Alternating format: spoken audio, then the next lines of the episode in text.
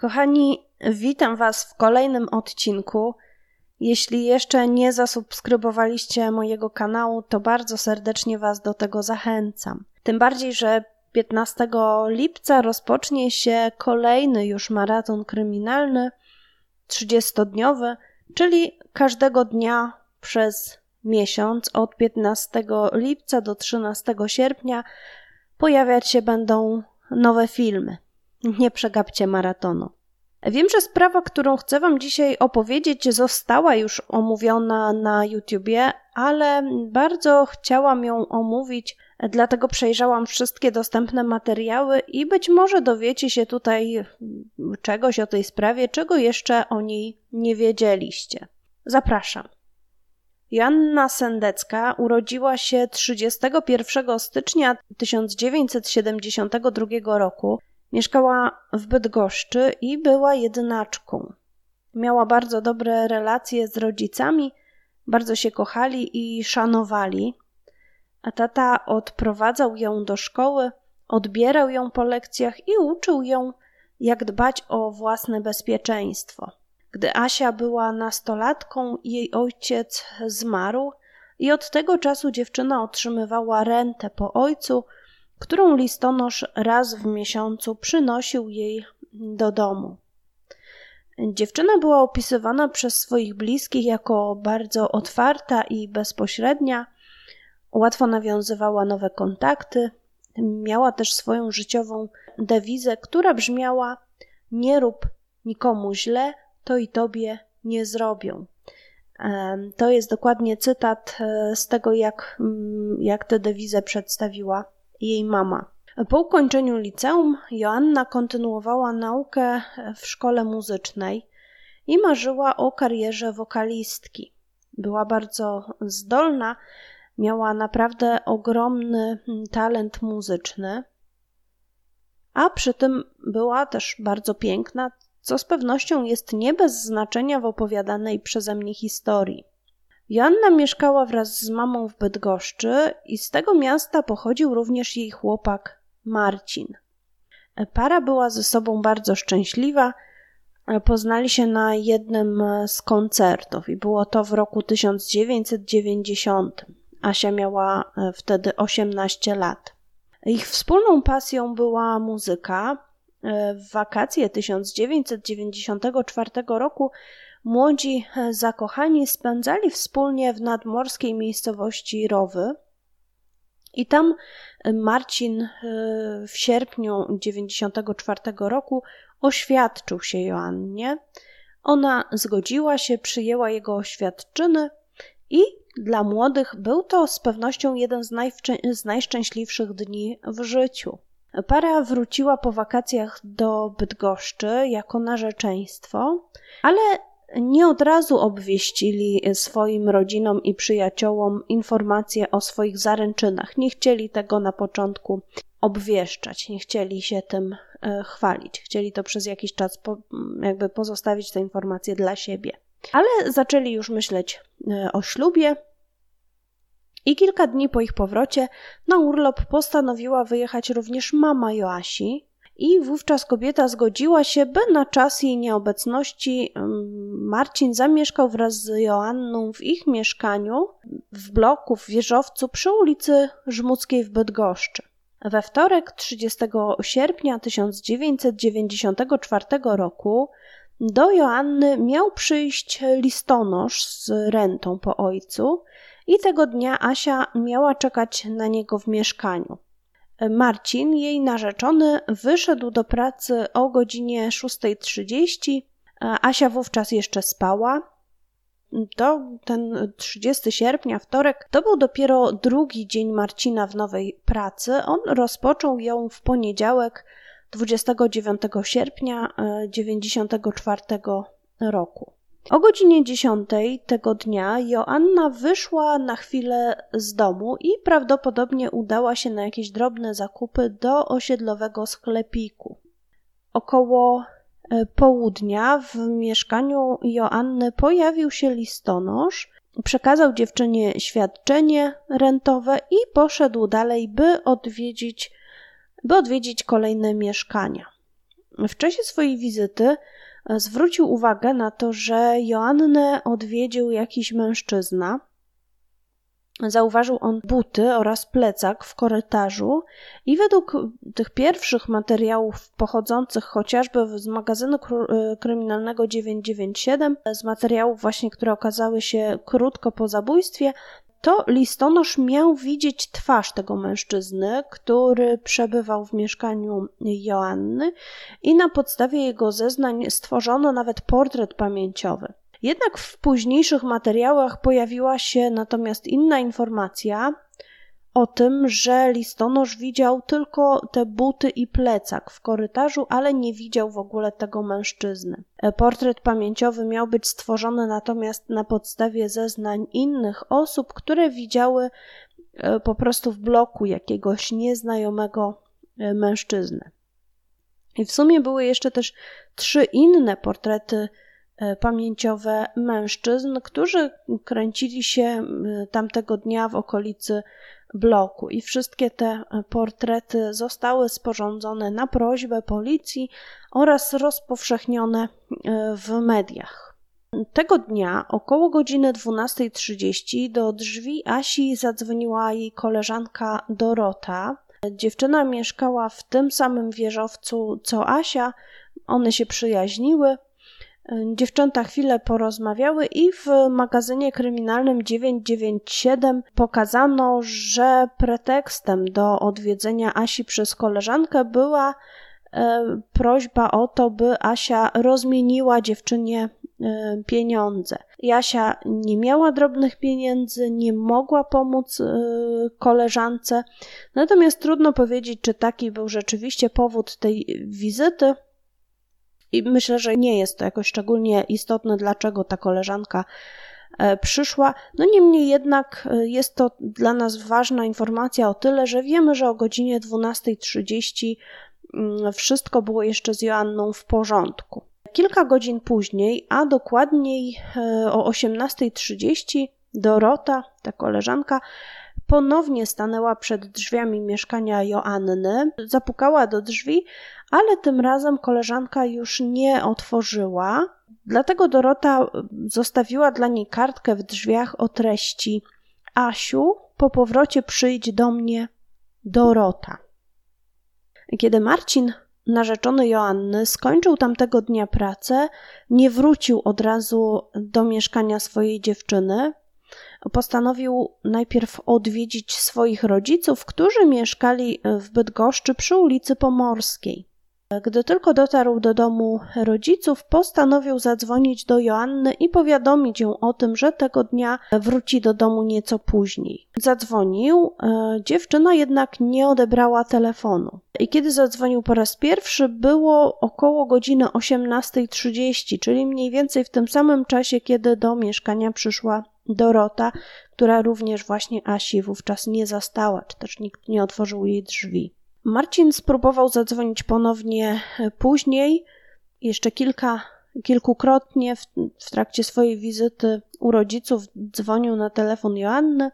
Jego narzeczona jednak cały czas nie podnosiła słuchawki po drugiej stronie.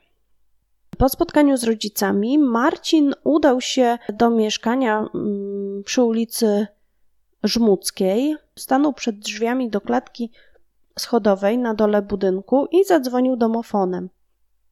Znowu cisza. Asia nie otwierała mu drzwi i wówczas Marcin zadzwonił domofonem do mieszkania koleżanki Asi, wspomnianej już wcześniej Doroty.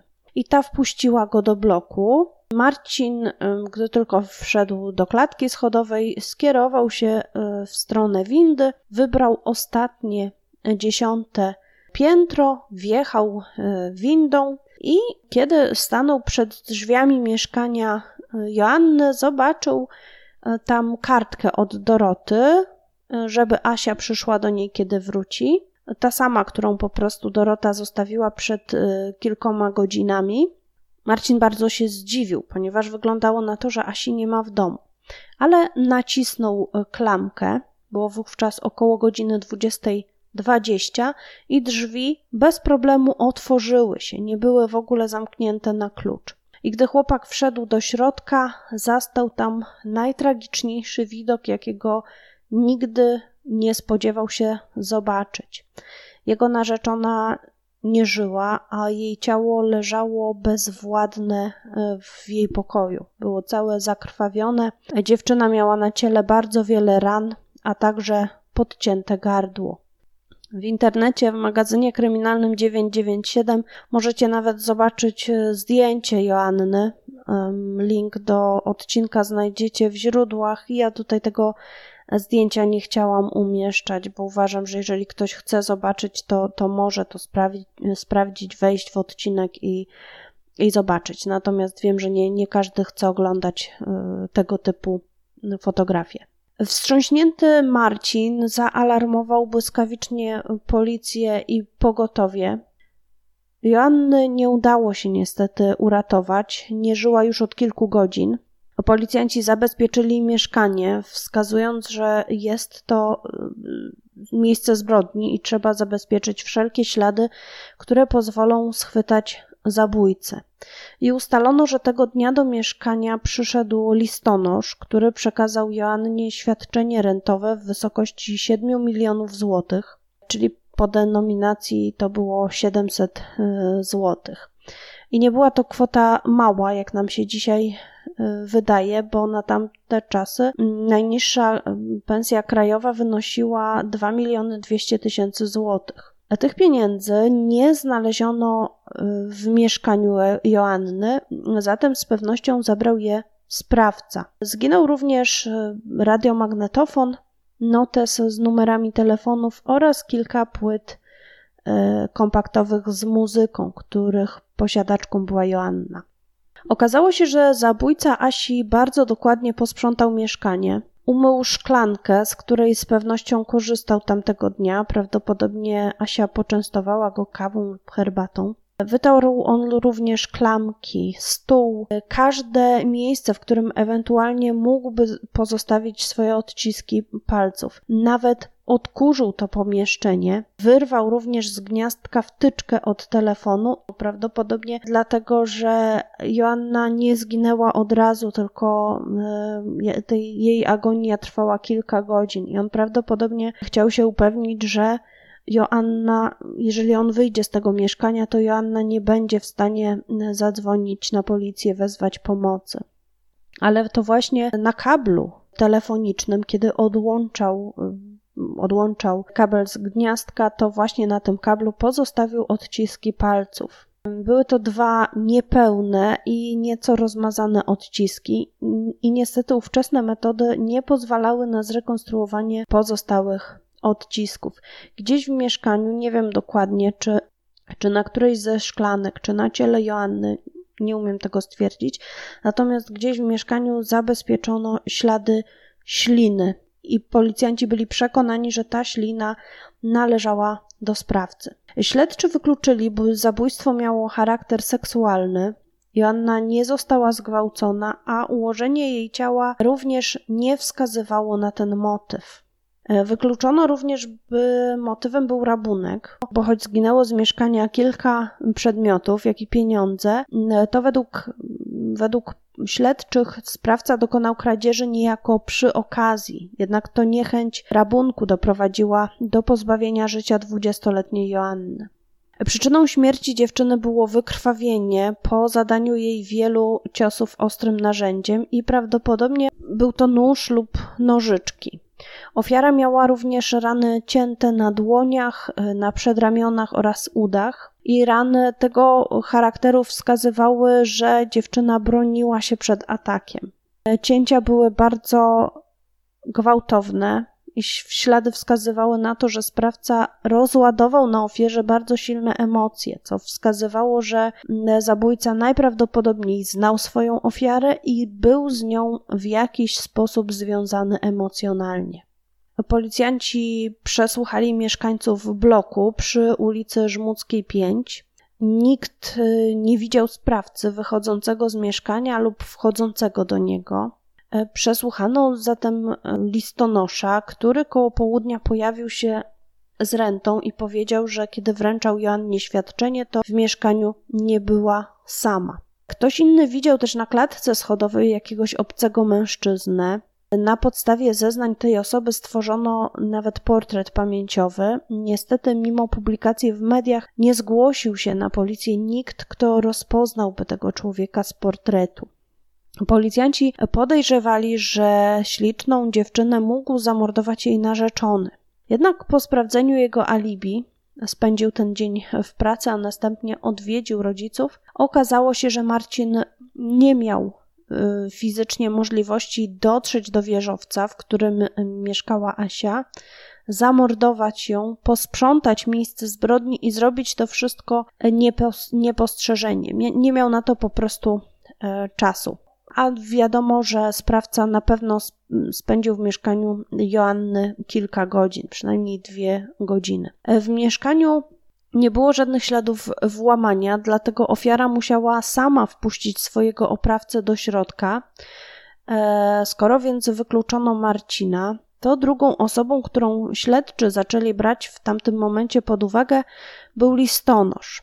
Jednak Wiadomo, że tego dnia pojawił się jeszcze w innych mieszkaniach y, z rentą czy z emeryturami i również y, no, nie miał czasu na zabójstwo. Ponadto na jego ubraniach nikt nie dostrzegł żadnych śladów krwi, kiedy po prostu przychodził do innych emerytów, emerytów i rencistów. Nikt nie zauważył, żeby, żeby na jego ubraniu były jakiekolwiek ślady krwi, a atak na Joannę nie mógł nie pozostawić żadnych śladów na ubraniu sprawcy, więc zarówno Marcina, jak i listonosza wykluczono. Natomiast policjanci byli przekonani, że Asia znała swojego zabójcę, ponieważ nie doszło do włamania, a dziewczyna po prostu wpuściła swojego zabójcę sama do mieszkania.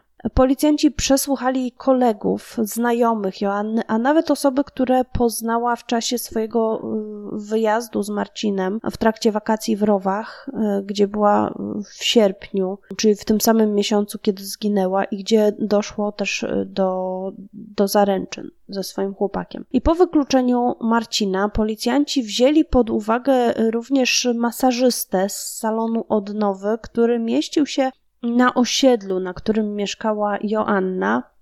Młoda kobieta była stałą klientką tego salonu, no więc znała też tego, tego masażystę. Natomiast również w tym przypadku nie było żadnych dowodów, żadnych y, nawet poszlak czy świadków, którzy mogliby wskazać y, jego sprawstwo. Pogrzeb Joanny y, prowadził ogromne tłumy bydgoszczan, którzy chcieli pożegnać piękną, młodą i naprawdę utalentowaną 22-latkę. Jej ciało spoczęło na cmentarzu nowofarnym przy ulicy Artyleryjskiej w Bydgoszczy.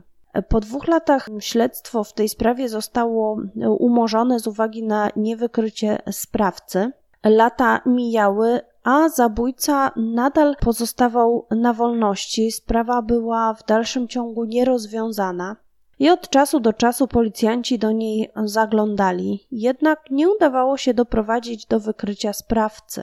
Po latach y, akta trafiły do policyjnej komórki Archiwum X w Bydgoszczy i policjanci bardzo ciężko pracowali nad tą sprawą. Działania Archiwum X to przede wszystkim czytanie akt i od tego zaczyna się badanie niewyjaśnionych spraw sprzed lat.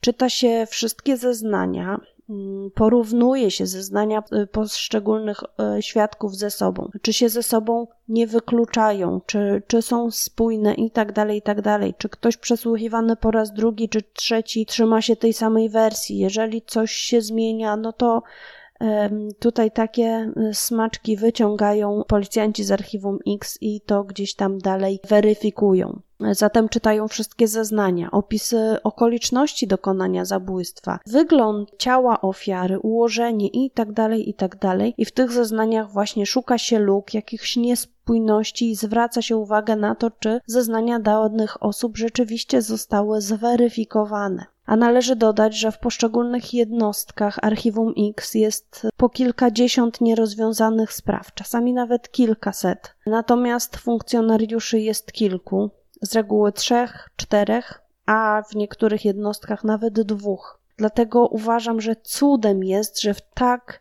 niewielkich zespołach, często również w bardzo trudnych y, warunkach, w ciasnych niedoświetlonych pomieszczeniach policjanci siedzą nad stertą papierów i potrafią dostrzec nieścisłości, których wcześniej nie dostrzeżono. I dlatego naprawdę chylę czoła przed tymi niesamowitymi ludźmi i mam tu na myśli wszystkich funkcjonariuszy Archiwum X w całej e, Polsce. To niesamowita praca, którą ci ludzie wykonują. I to właśnie policjanci z bydgoskiego Archiwum X e, dostrzegli pewien drobiazg, nieścisłość w zeznaniach sąsiada Asi i postanowili wezwać go na ponowne przesłuchanie po 20 latach od zbrodni. Z tego co wiem, to w tych, e, w przeglądaniu tych akt e, brał udział również profiler policyjny. To jest natomiast nieoficjalna informacja i, i nie wiem, czy rzeczywiście tak było. Natomiast e, taka wzmianka pojawiła się gdzieś tam między wierszami w jednym z artykułów. Sławomir G., bo to właśnie on był tym sąsiadem, którego wezwano na przesłuchanie, którego zeznania y, posiadał jakąś pewną y, drobną nieścisłość. On w 1994 roku miał 27 y, lat. Był o 5 lat starszy od Joanny. Mieszkał w tym samym bloku i mieszkanie swoje dzielił z rodzicami. W tamtym czasie dzielił je z rodzicami. Nie był nigdzie zatrudniony na stałe. Joanna i Sławomir przyjaźnili się i Często się odwiedzali, wymieniali się płytami z muzyką. Dziewczyna bardzo mu się podobała. On się w niej podkochiwał, jednak Joasia miała chłopaka, Marcina, ale mimo wszystko Sławomir nie poddawał się i próbował zdobyć serce Joanny romantycznymi gestami i wiadomo, że na przykład pisał do niej listy miłosne. Przypuszczalnie wczesnym popołudniem 30 sierpnia 1994 roku Sławomir pojawił się w mieszkaniu Joanny i być może przyszedł się y, wymienić płytami, i wówczas Asia mogła pochwalić się zaręczynami, co mogło zdenerwować zakochanego w niej mężczyznę to była tylko teoria, nie było na nią żadnych dowodów. Natomiast e, policjanci z archiwum X przeczytali w aktach sprawy zeznania Sławomira, w których mówił on, że e, feralnego dnia poszedł do urzędu pracy, żeby się e, odhaczyć. I to wystarczyło policjantom w latach 90., by skreślić go z listy podejrzanych. Dla doświadczonych funkcjonariuszy z archiwum X y, nie było to wystarczające alibi, alibi ponieważ jeśli Sławomir udał się rano do urzędu, to spędził tam maksymalnie kilka godzin, a nie cały dzień. Policjanci wiedzieli, że mężczyzna przyjaźnił się z Asią i dlatego postanowili go przesłuchać raz jeszcze po latach, by doprecyzować, e, czy miał alibi na pozostałą część dnia. Ponadto oni już byli wobec niego dość podejrzliwi, natomiast w piśmie, które do niego e, wysłali, nie wskazali, że chcą go przesłuchać w charakterze podejrzanego, ale w, charakter, w charakterze świadka. I z tego względu niczego nieświadomy Sławomir bez problemu e, zgodził się na to, aby te swoje zeznania powtórzyć, czy też no, przyjść po prostu zeznawać po 20 latach ponownie. E, w 2014 roku, kiedy wezwano go na przesłuchanie, mężczyzna nie mieszkał już w Bydgoszczy. Od wielu lat e, przebywał w innym mieście. Ku naprawdę dużemu zaskoczeniu e, policjantom, policjantów z archiwum X, już w trakcie tego pierwszego przesłuchania po latach, wezwany wówczas na komendę 47-letni Sławomir G. od razu przyznał się do winy i opowiedział o tym, co zaszło w mieszkaniu na najwyższym piętrze bydgoskiego wieżowca. E, powiedział, że 30 sierpnia 1994 roku przyszedł do mieszkania Joanny. Zeznał, że pokłócili się i według niego Joanna miała być wobec niego agresywna, a on w obronie własnej dźgnął ją kuchennym nożem, który znalazł po prostu w jej mieszkaniu. I zapytany o powód, dla którego Joanna miałaby go zaatakować i być wobec niego agresywna, powiedział, że dziewczyna chciała pójść z nim do łóżka, a on jej odmówił. Upokorzona taką odpowiedzią, dziewczyna miała się e, wściec na kolegę i zaatakować go. Dodał też, że sama dźgnęła się e, w szyję, ze złości na odmowę i miała to zrobić bodajże nożyczkami. I tę wersję powtórzył później również e, przesłuchującemu go prokuratorowi. Kilka dni później doszło do wizji lokalnej e, połączonej z eksperymentem procesowym, w czasie którego podejrzany miał dokładnie przedstawić przebieg całej tej sytuacji i miał to pokazać już na miejscu zbrodni, w mieszkaniu, w którym zamordował Joannę. I wówczas po raz trzeci powtórzył tę wersję, według której to Joanna była agresorem, a on tylko się bronił. Zatrzymany miał w 2014 roku, czyli w chwili aresztowania 47 lat. Był średniego wzrostu, miał dość rzadkie włosy, nieco, takie nieco dłuższe, związane w kitkę. Miał nadwagę, odstający brzuszek, którego pewnie nabawił się w trakcie przebywania w bydgoskich barach, gdzie bardzo często według e, świadków miał spoży spożywać alkohol. Sławomir nie miał stałej pracy i przez całe swoje życie często zmieniał miejsce zatrudnienia, nigdzie nie zabawił na dłużej, a przez wiele lat był również bezrobotny. Ostatnią pracą, jaką wy wykonywał przed zatrzymaniem, to była praca magazyniera. Sławomir ożenił się w 1997 roku, czyli trzy lata po zabójstwie, i wkrótce na świat przyszła też jego córka, jego jedyne dziecko. Mężczyźnie postawiono zarzut zabójstwa i w Bydgoszczy rozpoczął się proces.